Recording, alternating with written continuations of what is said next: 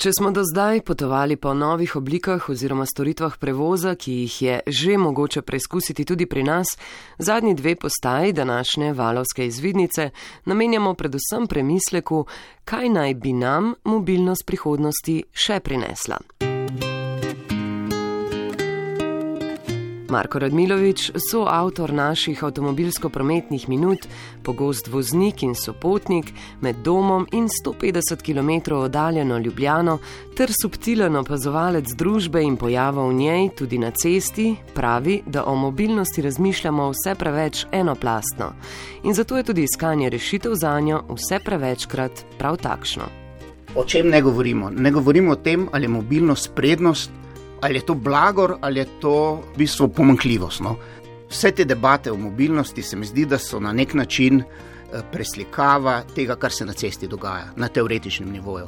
Razprava o mobilnosti je v bistvu agresivna razprava. Ne? Kolesarji Eh, se borijo proti avtomobilistom, avtomobilisti se borijo proti kolesarjem, eh, motoristi se borimo proti vsem, eh, električni avtomobilisti se borijo proti benzinskim, benzinski proti električnim. In se mi zdi, da je ogromno v tej razpravi ogromno nestrpnosti. Ne? Drugo, kar se mi pa zdi, da ko rečeš mobilnost, mi natančno ne vemo, kaj to pomeni. Za nekoga, ki se mora voziti, pa se ne bi rad vozil. Recimo, jaz sem pr prvi primer, pa ti verjetno tudi. Ne? Če rečeš mobilnost, on to jemlje kot uviro v svojem življenju. Ne? Če pa nekoga, ki pa rad potuje, pa gre na, na Salzburg, eh, v Padovo gledati vse te zadeve, pa mu rečeš mobilnost in lahko pride. Dosti prej, ko so prišli pred 200 leti, je pa to blagor. Ne? In v bistvu mi se ne moramo odločiti na teoretskem nivoju, Eh, koga z mobilnostjo nagovarjamo. Se pravi, različni ljudje lahko mobilnost različno eh, dojemajo. In to se mi zdi, da je eh, zadeva, ki je um, lahko zelo moteča. Ne moramo poenotiti pojma, če tolkim različnim ljudem toliko različnih stvari pomeni. Ne? In kje je zdaj najti skupni imenovalec, to srednjo vrednost, bistvu, da bo mobilnost bodočnosti vsem pomeri. Meni se zdi to povsem iluzorno, povsem nemogoče in se mi zdi napačno stališče v razmišljanju o mobilnosti. Mislim, da bi morala pač regulatorji tehnologije eh, delati na tem, da naredijo mobilnost individualizirano do te mere, v bistvu, da si je vsak odreže točno tisti košček, ki jo potrebuje. Ne?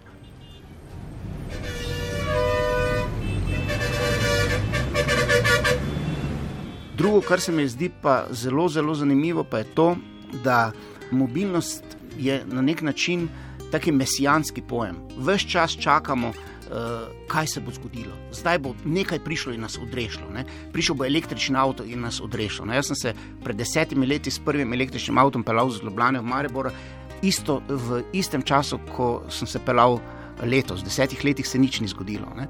Eh, seveda, to električni feni, zim znori, čakamo, jutri bo baterija, ki nas bo odrešila. Ne? Uh, jutri bo si mask zmislil nekaj, kar nas bo premikalo sem pa tja po planetu. Ne? In seveda uh, ne razumemo, da je mobilnost tudi sestavni del človeške evolucije. Ne? Eh, prva mobilnost se je začela z deljenjem celice, pa skakali smo z vej, pa vozili smo se s kočijami. Nikoli ni bilo, razen mogoče parnega stroja, pa vlaka, ki je res v bistvu bil strašen napredek mobilnosti, ampak nikoli ni bilo neke mesijanskosti, vse čas je bila evolucija, nikoli si nismo zmislili nekaj tak, ne, zdaj bi bilo to potovanje po času ali, ali pa neke eh, podobne zadeve, ampak nič se ne bo zgodilo. Ne. Ja, pravimo, uh, kaj smo zaprli, smo slovensko, pa avtobusno karto lahko kupiš po, po internetu, ne, pa, ampak ne, ali pa mogoče pet minut prej prideš nekam. Ne. Slovenske železnice, vlak slovenskih železnic, najhitrejši je 30 minut dobil od najhitrejšega vlaka med drugo svetovno vojno, eh, ki je bil nemški med Mariborom in Ljubljano. Recimo, um, in to mesijanstvo, v bistvu, ki ga imamo, se mi zdi, da je velika cokla, da mobilnosti ne razumemo kot evolucije, ampak eh, vse čas čakamo na tisto naslednjo veliko stvar. No. In ob čakanju človeštva na veliki premik je Marko skeptičen tudi do zgodb o tako imenovanem car sharingu oziroma skupni uporabi ali celo lastništvu prevoznih sredstev, ki v tujini že dobro delujejo. Zdaj so že po svetu poskusi car sharinga in vseh teh zadev. Meni se to zdi za naše področje, ki ga pač poznam, se mi zdi zelo, zelo znanstveno fantastično. Ne. Avtomobil pri nas je vseeno v bistvu osebna kategorija, je v bistvu intimna navezava, v bistvu človeka. Jaz to zdaj ne vem, sodo ali je to dobro ali je slabo. In se mi zdi popolnoma ne mogoče, tudi sam kot voznik, ne bi svojega avtomobila odstopil nekomu. Ne vem, se mi zdi del družine in zdaj lahko pač to tipično slovenskost ali kakršno koli že kritiziramo, ampak mislim, da je to kar evropski pojav ali pa zahodni pojav, kar, kar močen. Ne bomo se odrekli lasništvu in ne bomo se odrekli udobju, ki ga danes imamo. Kakršna koli mobilnost zahteva neko odrekanje, mobilnost bodočnosti, kot jo poznamo. Ne? In da bi se odrekli delčku udobja, ki v mobilnosti, ki ga že imamo, se mi zdi popolnoma nemogoče. Je pa seveda teza, da se bo zgodilo kot z barvnimi televizorji. Ne?